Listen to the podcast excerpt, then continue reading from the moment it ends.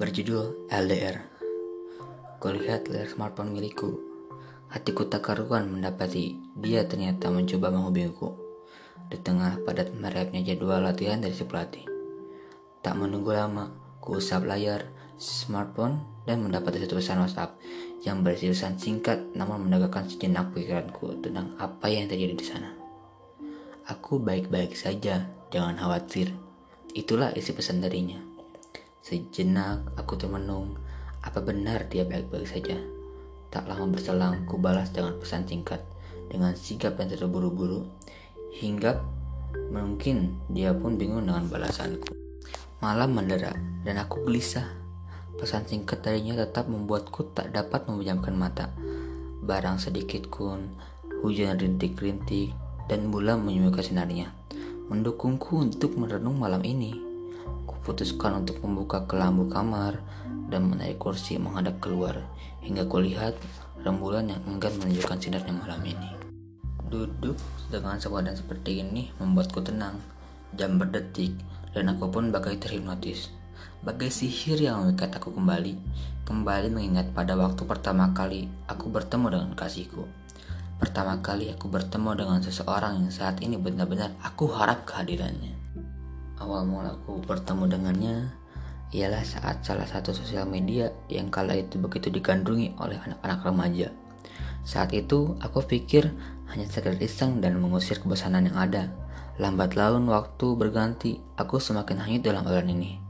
Terpesona oleh fitur-fitur yang diberikan oleh sosial media ini dan hingga suatu hari ku dapati pesan masuk ditunjukkan kepadaku. Karena rasa keinginan tahuku yang besar, akhirnya aku membukanya. Hai, selamat malam. Sapanya singkat padaku kali itu. Ragu-ragu aku membalasnya. Hai, selamat malam juga. Apa aku mengganggu? Tidak.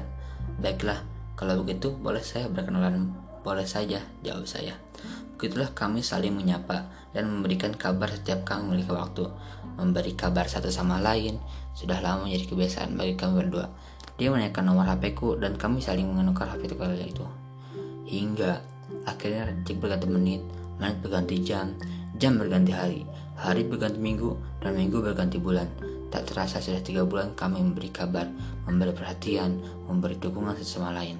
Hingga akhirnya pada satu malam yang dingin penghujung bulan Maret dia menanyakan sesuatu yang jauh luar dugaanku. Kala itu aku ragu.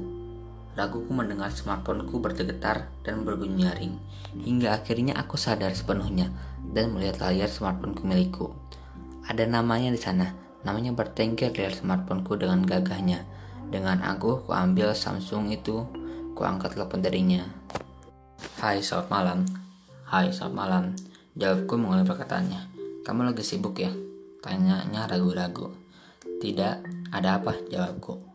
Hmm, jadi saya mau bertanya sesuatu ke kamu. Mau bertanya apa? Ada sedikit ketakutan saat aku menjawabnya. Kita memang belum pernah bertemu sebelumnya, tidak pernah bertatap langsung sebelumnya. Tapi kenapa rasa ini muncul? Kenapa saya merasakan sesuatu? Sesuatu? Maksudnya? Aku bingung dibuatnya. Aku tak mengerti apa maksud ucapannya. Baiklah, jadi begini. Kita memang belum pernah bertemu sebelumnya. Tidak pernah tatap langsung sebelumnya. Tapi tidak tahu kenapa saya tiba-tiba suka sama kamu. Suara terdengar gagah di telingaku. Tapi Bagaimana bisa? Tanya aku selidik. Saya tidak tahu apakah kamu merasakan apa yang sama. Saya. Hmm, saya. Saya apa? Saya tidak tahu. Jawabku tidak jujur. Terus terang saja, saya memang sudah jatuh hati. Entah mengapa dan bagaimana. Dengan seseorang yang tidak pernah saya temui sebelumnya. Kalau saya minta kamu untuk jadi saya, kamu mau gak? Tanyanya. Saya. Saya serius.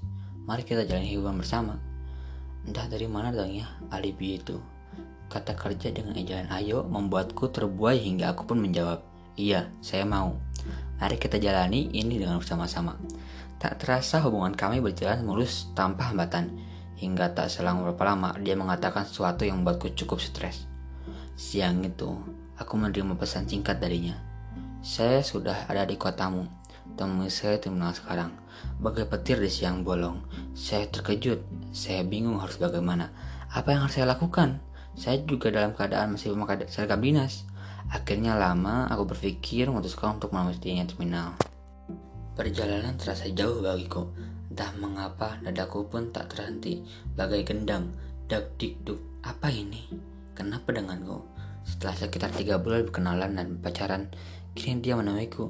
Dia, dia ada di sini. Tak lama berselang, aku pun sampai pada tempat yang diinstruksikan padaku. Aku memarkirkan motor kesayanganku dengan dada yang bergemuruh. Aku melihat kiri kanan tidak ada tanda-tanda orang lewat.